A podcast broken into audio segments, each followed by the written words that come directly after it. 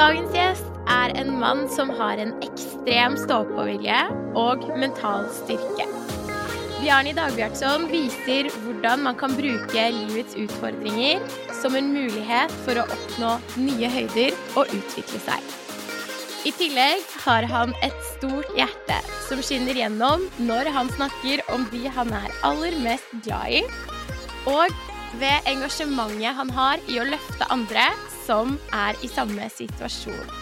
Velkommen. Det er en ære at du har lyst til å delta her hos oss i dag. Jo, takk for det. Veldig hyggelig. Ja, vil du begynne å fortelle litt om deg selv? så vi kan bli bedre kjent med deg. Ja. Eh, jeg eh, er da 34 år gammel og bor her på Lørenskog eh, sammen med min samboer Hanne og hunden min Saga. Min, min historie er Jeg er fra Island opprinnelig. Jeg kom kom til Norge i 2009 for å jobbe, rett etter at jeg var ferdig med min utdannelse på Island. Der tok jeg økonomiutdannelse på universitetet der. Og har all min arbeidserfaring eh, i Norge, eh, utenom for så vidt eh, vært to år utstasjonert i Storbritannia. Men Eh, gjennom et norsk selskap. Eh, I dag er jeg 100% ufør, for jeg har hatt veldig dårlig helse de siste årene. Eh, men jeg prøvde å stå i arbeid så lenge jeg kunne. Og Vil du fortelle litt om eh, hvordan var det å bli syk? Hvordan påvirket det deg? Hvor lenge var du i jobb eh, før du så måtte slutte? Ja, eh, så jeg begynte i Subzone i 2010, og får da diagnosen MS eh, i 2011, ett år senere. Eh, I 2012 får jeg tilbud om å være utstasjonert i London. Eh, kontoret vårt der. Eh, og var der i to år. Og hadde egentlig tenkt meg å være enda lenger der. Eh, selv om opprinnelig planen var bare to år, så ønsket de meg der videre. Eh, men jeg begynte å få betydelige gangvansker under oppholdet. Og da ble det veldig vanskelig og utfordrende å bo i en storby som London, eh, der man er veldig avhengig av beina. Eh, ja. Eh, så når jeg kom tilbake i Norge i 2014, eh, så var jeg da i bedriften frem til i fjor høst. Eh, da jeg ble liksom eh, såpass eh, syk at jeg ikke klarte å stå i jobb lenger. etter lenge vurdering fra min side fordi jeg hadde jo presset meg ganske lenge, egentlig. Helt siden 2013 til 2020. Eh, men det var nok fordi jobben den betydde veldig mye for meg, da. Og jeg følte at jeg var med og bidro, og at jeg var verdsatt i bedriften. Eh, det var nok det som gjorde at jeg ble så lenge, da. Ja. Det Ja. Mm. Så det er liksom Når det kommer til arbeidsgiver, da, så var det det at de så deg, satte pris på deg, eh, kanskje tilpassa seg, da, eh, situasjonen din som fikk deg til å eh, klare og ville å jobbe til tross for at det sikkert må også ha vært en stor psykisk påkjenning i tillegg til det fysiske, eh, kan jeg tenke meg. Absolutt. Eh, jeg hadde fantastiske ledere over meg, og som så meg hele veien, føler jeg. For det første var jeg veldig åpen om sykdommen fra dag én, som gjorde, tror jeg, var begynnelsen av at de eh, tok veldig godt vare på meg sånn sett. Eh, og tok hensyn og tilpassa ettersom jeg ble sykere. Eh, jeg tror, tror, i starten så I starten så hadde de, de jo ikke tenkt sikkert at det skulle bli så ille, men eh, det ble, det ble det. Og jeg føler liksom Jeg har aldri følt liksom at uh, At de uh, Jeg har bare følt at de har vært støttende hele veien. Så det har vært utrolig, utrolig bra. Eh, og det har vært veldig gjensidig, for når du blir syk, så har du følt ekstra behov for å prestere, føler jeg. Så Men hva tenker du var det viktigste som arbeidsgiver gjorde, da, for å få deg til å liksom føle det eh, Eller ha det så bra, da, der du jobbet? Mm. Eh, jeg tror eh, det å tilpasse arbeidsplassen, det var de veldig flinke til. Fordi behovet endra seg jo, så de var hele tiden på der. Men ikke minst at forventningene gikk ikke ned. De, de presset meg hele veien og ga meg utfordringer hele veien. Og jeg gikk over i nye stillinger, fikk nye oppgaver, eh, så jeg fikk utfordra meg hele veien. Og det motiverte meg veldig til å fortsette. Så det er liksom ikke bare det å støtte og tilrettelegge, men også at de hadde de forventningene som de ja. har til alle andre.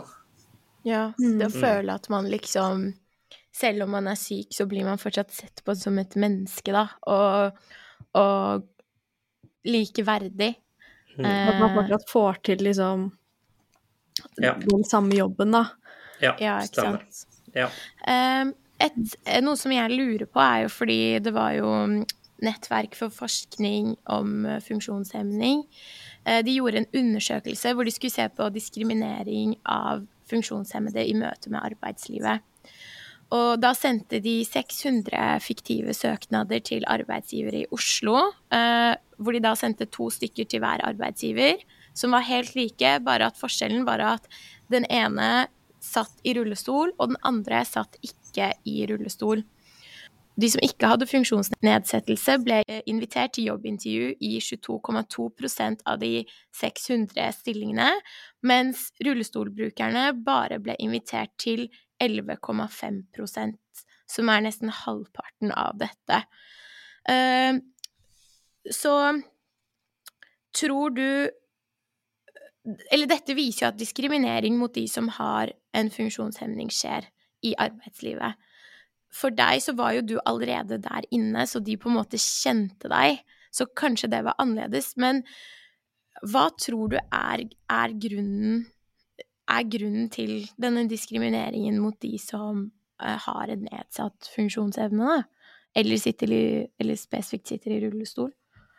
Ja. Um, da du tok kontakt med meg og fortalte meg om denne studien, så har jeg litt forhørt meg og snakket med litt forskjellige personer, og eh, det, fordi akkurat det overraska meg veldig. Men uh, når jeg snakket med en, uh, en som jobber med headhunting, uh, så sier hun Bjarni det her er ikke overraskende i det hele tatt. jeg fraråder til og med folk å ha brillene sine på når de tar bilde for CV-en. Så så diskriminerende kan vi være, da, som et samfunn. så det men mitt eh, på en måte tips i mellomtiden er jo bare å stå på. Det er i hvert fall det som har fungert for meg, er å liksom eh, gi litt blaffen i For jeg har liksom jobbet for stor bedrift, og det er eh, Jeg gikk jo fra å plutselig være gående, altså løpende, til å gå med en stokk og til å gå med krykker og gå med rullestol. Og bare det å For de andre på arbeidsplassen å se det her eh, må jo ha vært litt av et syn. Eh, og det har sikkert vært noen diskriminerende syn. Men jeg har vært veldig flink bare å ignorere disse tingene, og fokusert på hvorfor er jeg her på jobb. Og jeg har eh, på en måte alltid gitt, gitt 100 eh, da. Så Og det tror jeg liksom står igjen eh,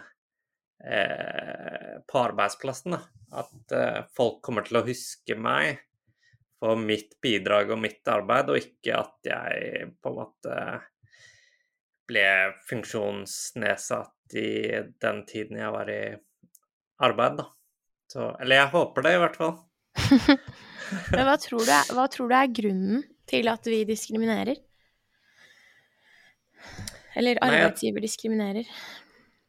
Jeg tror kanskje bare at hjernen vår fungerer slik at alt som er utenfor A4-arket, det, det, er et avvik. Så, og da får vi ekstra fokus på det, og så eh, har det bare blitt sånn.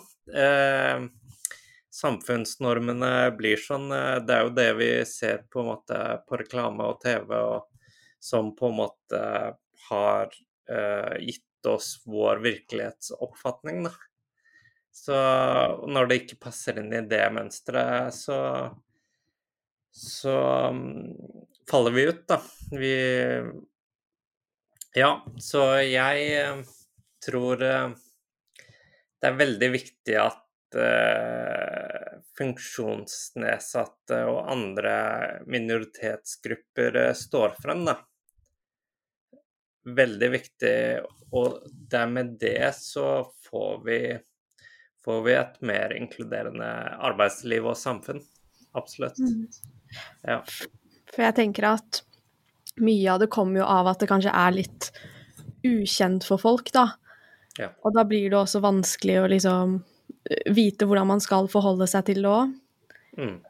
Um, jeg tror du er inne på noe veldig viktig der, og det er liksom at det ukjente er veldig farlig, da.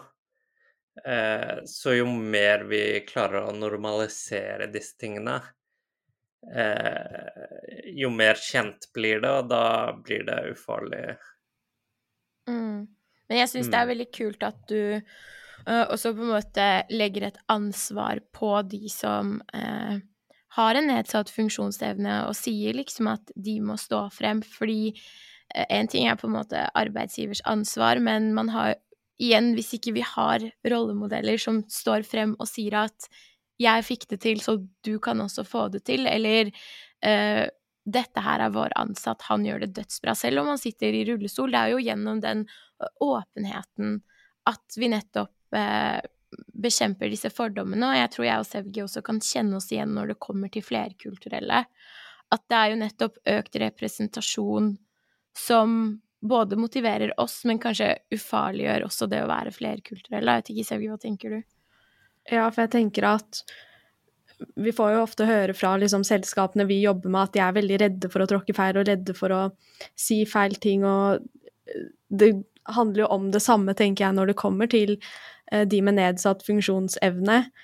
Man bare vet liksom ikke hvordan man skal forholde seg til det, da. Eh, og igjen så handler det om, som vi var litt inne på, det her med å få mer Igjen forstå hvordan det er å være i den situasjonen, uavhengig av om det er flerkulturelle eller om det er de med nedsatt funksjonsevne. Ja. Og det er jo liksom eh, Jeg vet at jeg og Sevgi i forkant av disse podkastene hver gang vi skal liksom tenke på hvordan vi skal ha en samtale med folk som har en annen bakgrunn enn flerkulturell, så er vi sånn Hva er det som er lov å si? Men, men er det feil? Og nei, tenk om vi liksom dummer oss ut? Og det er sånn Det er veldig vanskelig, og jeg merker at det er liksom veldig sånn ukomfortabelt, fordi igjen, jeg vil liksom ikke tråkke feil. Eh, og for første gang så kan jeg liksom ha medfølelse for arbeidsgiver. Fordi før, når de har sagt det er vanskelig, så tenker jeg sånn Hva mener du med at det er vanskelig? Det er jo superlett. Men det er jo fordi jeg forstår. Men når jeg er den som ikke forstår, så ser jeg hvor vanskelig det faktisk er. Ja, og den ehm. frykten som liksom ligger bak, da, for man vil jo ikke si noe feil, og man mener jo Hvis noe kommer ut feil, så mener man det ofte ikke feil heller.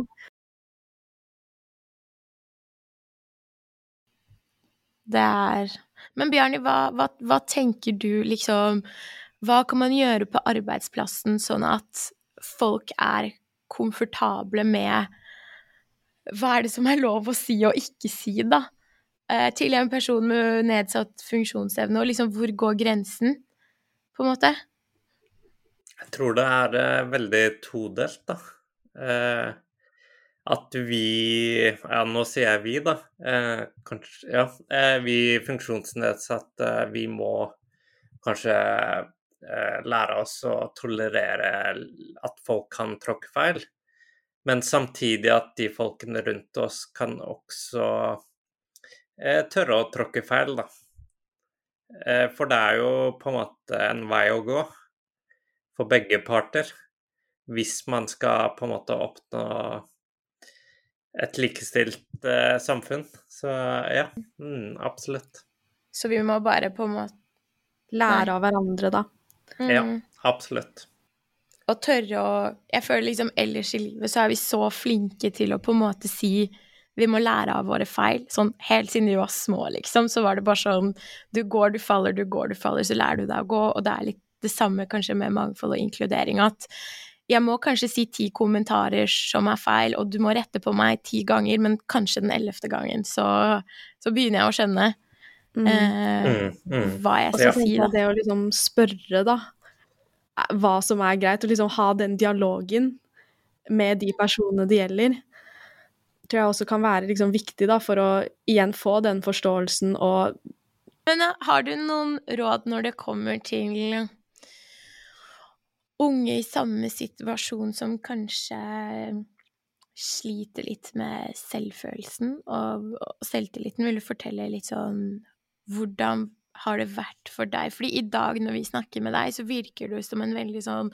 confident mann som er sånn 'this is me', og veldig trygg og veldig sånn Og veldig liksom solid, da. Eh, hvordan, hvordan kommer man dit? Hvis man har Nei, usikkerheter? Nei, det er nok eh, bare fremstilling, det her. Eh, for jeg har mange dårlige dager, eh, på en måte. Så det er jo kanskje noe man kunne jobba med, liksom at man er på sitt beste da, når man skal selge seg selv inn i arbeidslivet, eller hva enn det måtte være. Men nå som jeg ikke jobber, så er jeg veldig engasjert frivillig. Eh, så jeg har eh, et verv i MS-forbundet som leder av eh, ungeutvalget der.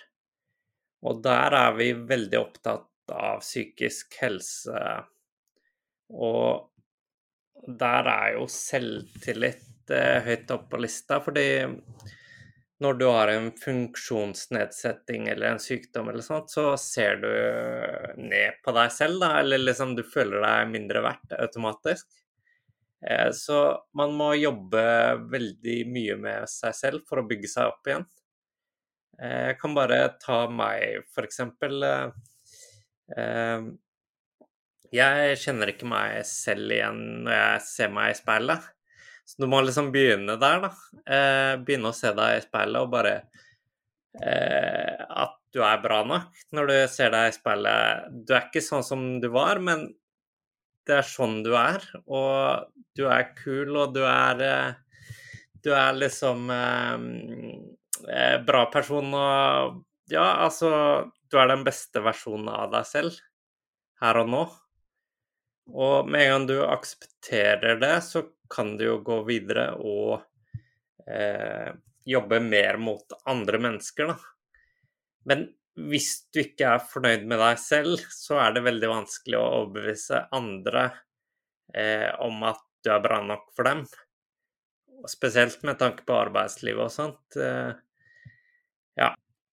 Ja, det, det gjør det selvfølgelig. Det her, eh, i mitt tilfelle, skjedde ikke over natta, på en måte.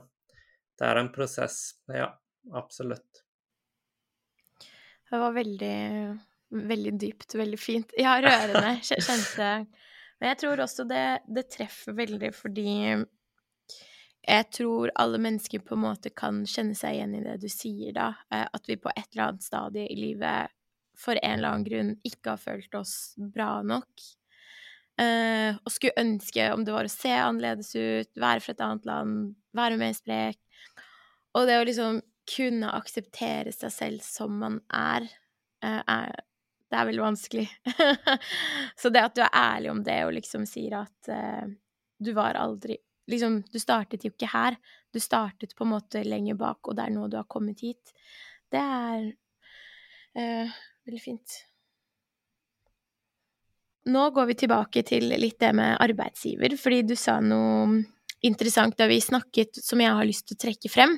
Eh, hva mener du er en styrke ved det å ha en funksjons, funksjonsnedsettelse? Hvordan kan det komme på en måte arbeidsgiver ekstra til gode, da? Mm, mm. Nei um, um, Jeg tenker litt tilbake til Jeg var, deltok på en sånn digital konferanse for litt siden. Eh, og der Det var i regi av MS-forbundet, så akkurat det her var spesifikt retta mot personer med MS, men det kunne ha vært eh, eh, hvilke som andre um, sykdommer eller nedsett, funksjonsnedsettelser, eh, for så vidt. Og det var at eh, Altså, temaet var eh, pandemien og MS. Så jeg var litt på det at eh, når du møter en slik utfordring, da, det å få en sykdom som MS, så kommer du gjerne styrket ut av eh, det å få den eh, diagnosen. Selv om det var noen som eh, under konferansen som argumenterer ja, enten kommer det styrka ut, eller så får du deg en skikkelig knekk. Men eh, greit nok. Eh, og det poenget mitt her er liksom Du kommer styrket ut av det, og da var poenget mitt at, eh, personer som går gjennom noe sånt, de kommer styrka ut, og da har de kanskje lettere med å håndtere sånne endringer som en pandemi. Og det er nettopp det liksom at man har gått gjennom noe så vanskelig blir man sterkere, og da er man gjerne mer rusta for arbeidslivet, spør du meg.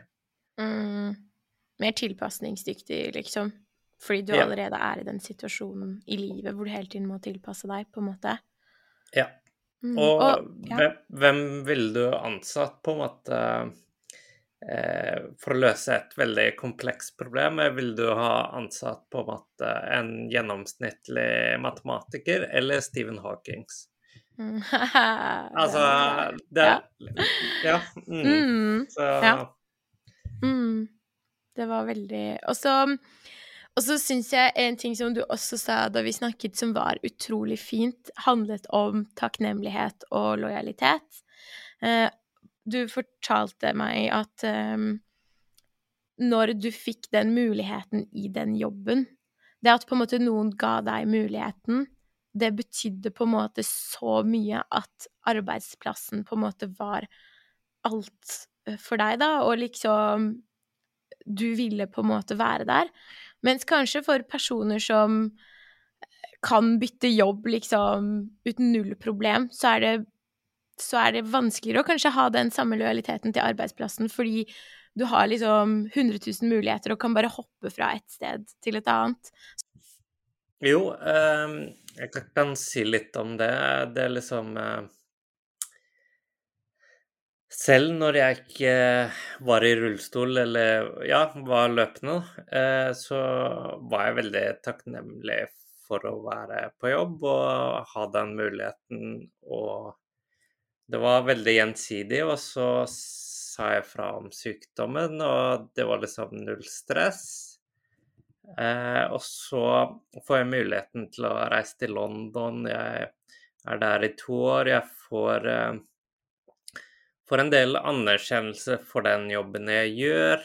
Eh, begynner å få en del funksjonsnedsettelser. Og jeg føler at jeg må yte enda mer, for jeg er så takknemlig for å være der i jobb. Og, og egentlig uavhengig om eh, jeg har en nedsatt funksjonshemning eller ikke. Jeg, Eh, fordi jeg føler liksom, eh, siden de gir meg muligheten til å jobbe der, så har jeg lyst til å yte maksimalt for de, da. Eh, og det kommer eh, bare sterkere og sterkere fram når jeg på en måte må begynne å gå med stokk og krykker og til slutt rullestol. Så føler jeg liksom at synet deres på meg har ikke endra seg i det hele tatt. Eh, det andre året jeg var i rullestol, eh, så bare for å trekke det frem, liksom eh, Og jeg tror liksom det var kanskje det beste året mitt på jobb, for å si det sånn. Jeg bare Jeg jobbet på spreng. Jeg ga alt jeg hadde for jobben, selv om funksjonen ikke var så bra. Og jeg fikk liksom en årlig prestasjonspris fra bedriften at, som anerkjente på en måte det jeg hadde gjort det året. Og det tror jeg var liksom ikke noe sånn sympatipris. Eh, eh, jeg tror det var for mitt bidrag. Eh, det er i hvert fall det jeg velger å tro, da. ja. Og det tenker jeg Altså, det er å trekke det litt i det ekstreme med en sånn pris, men bare små ting som at du får klapp på skulderen og at noen eh, setter pris på jobben du gjør, det gir veldig sånn mersmak, spør du meg. Eh, men det er kanskje bare fordi det er sånn mennesket er satt sammen. Eh, at vi trenger tilbakemeldinger, at vi gjør en bra jobb, og, og det motiverer videre. Ja. Mm. Så Vi kan ta en sånn oppsummering da hvis du skulle gitt eh, ett råd eh, både til arbeidsgiver og til de som er i samme situasjon som deg, hva ville det vært? Det de kan på en måte gjøre i morgen. Det første ja. steget, liksom. Jeg tror første hinderet er deg selv, så man må bare tro på at alt er mulig. Til det motsatte er bevisst. Så det å ikke stoppe seg selv eh, før du har prøvd, da, det er vel eh, mitt aller største tips.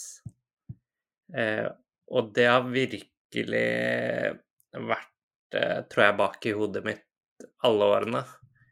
For jeg har virkelig på en måte gjort veldig mye i livet mitt, og det, det ser jeg at uh, Å, fy søren, jeg er glad at jeg gjorde det når jeg gjorde det, når jeg hadde muligheten. Så du angrer sjelden på det du gjør. Eh, du angrer mest på det du ikke gjør. Så ja. Mm. Der har vi en fin liten quote. ja. Hva med til arbeidsgiver? Det er gjerne å ha Eh, det å tørre å våge på en måte å satse og tørre å gjøre en feil, da, tror jeg du kan få mye igjen for. Eh, nå bruker jeg Stephen Hawkings igjen, men eh, hvem ville ikke hatt han på teamet sitt eller i bedriften sin for å løse komplekse problemer? Han var jo en av de smarteste personene rundt omkring eh, i vår levetid. Nå er han jo dessverre gått bort, da, men eh, ja. Det er virkelig en av de som sitter igjen hos meg, eh, som jeg ser opp til, da. Liksom, han lot ikke stoppe seg, virkelig. Det er skikkelig inspirerende å høre på. Det er Jeg føler ja, er... jeg får sånn der motivational boost ja. av å sitte her inne. Wow. Et annet råd eh, til arbeidsgiver eh, ville nok vært det her eh, med universal utforming. Det at alle kan ha tilgang på arbeidsplassen. Det er jo ekstremt viktig når du er i rullestol. Det var for så vidt i orden på min arbeidsplass, men det er det absolutt ikke alle plasser. Så det må være i orden. Mm. OK, da har vi fått eh, masse, masse gode råd. Eh, refleksjoner, inspirasjon. Tusen takk for at du kom hit i dag eh, og brukte tiden din på oss og delte liksom så åpent eh, om deg selv. Og ærlig. Eh, det betyr veldig mye, og jeg er sikker på at det vil bety veldig mye for de som også hører på. Takk for at jeg fikk bli med. Det var veldig gøy. Ja.